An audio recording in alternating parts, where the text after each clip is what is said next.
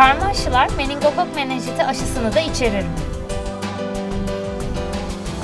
Hayır, e, karma aşıların içerisinde özellikle hemofilus influenza tip B aşısı var. Menenjite karşı kullanılan bir aşı. E, bu aşı 2006 yılında Türkiye'de kullanıma girdi ve beşli karma aşının içerisinde mevcut. Daha sonra 2008 yılının başından itibaren pneumokok aşıları kullanıma girdi. O aşılar farklı bir e, aşı olarak yapılıyor. Şu anda meningokok aşıları Türkiye'de var ancak ulusal aşı şemasında değil. Dolayısıyla eğer e, çocuğunuzu meningokok hastalığından kurtarmak, önlemek istiyorsanız o zaman ayrı bir meningokok aşısı hatta iki aşı kullanmanız gerekir.